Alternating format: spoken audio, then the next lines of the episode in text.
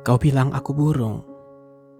Jangan sekali-kali berkhianat kepada sungai, ladang, dan batu.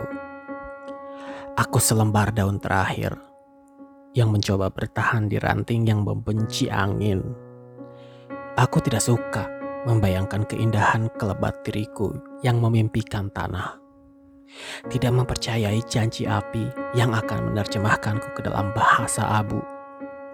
Tolong tafsirkan aku sebagai daun terakhir agar suara angin yang menina bobokan ranting itu padam. Tolong tafsirkan aku sebagai hasrat untuk bisa lebih lama bersamamu. Tolong ciptakan makna bagiku. Apa saja.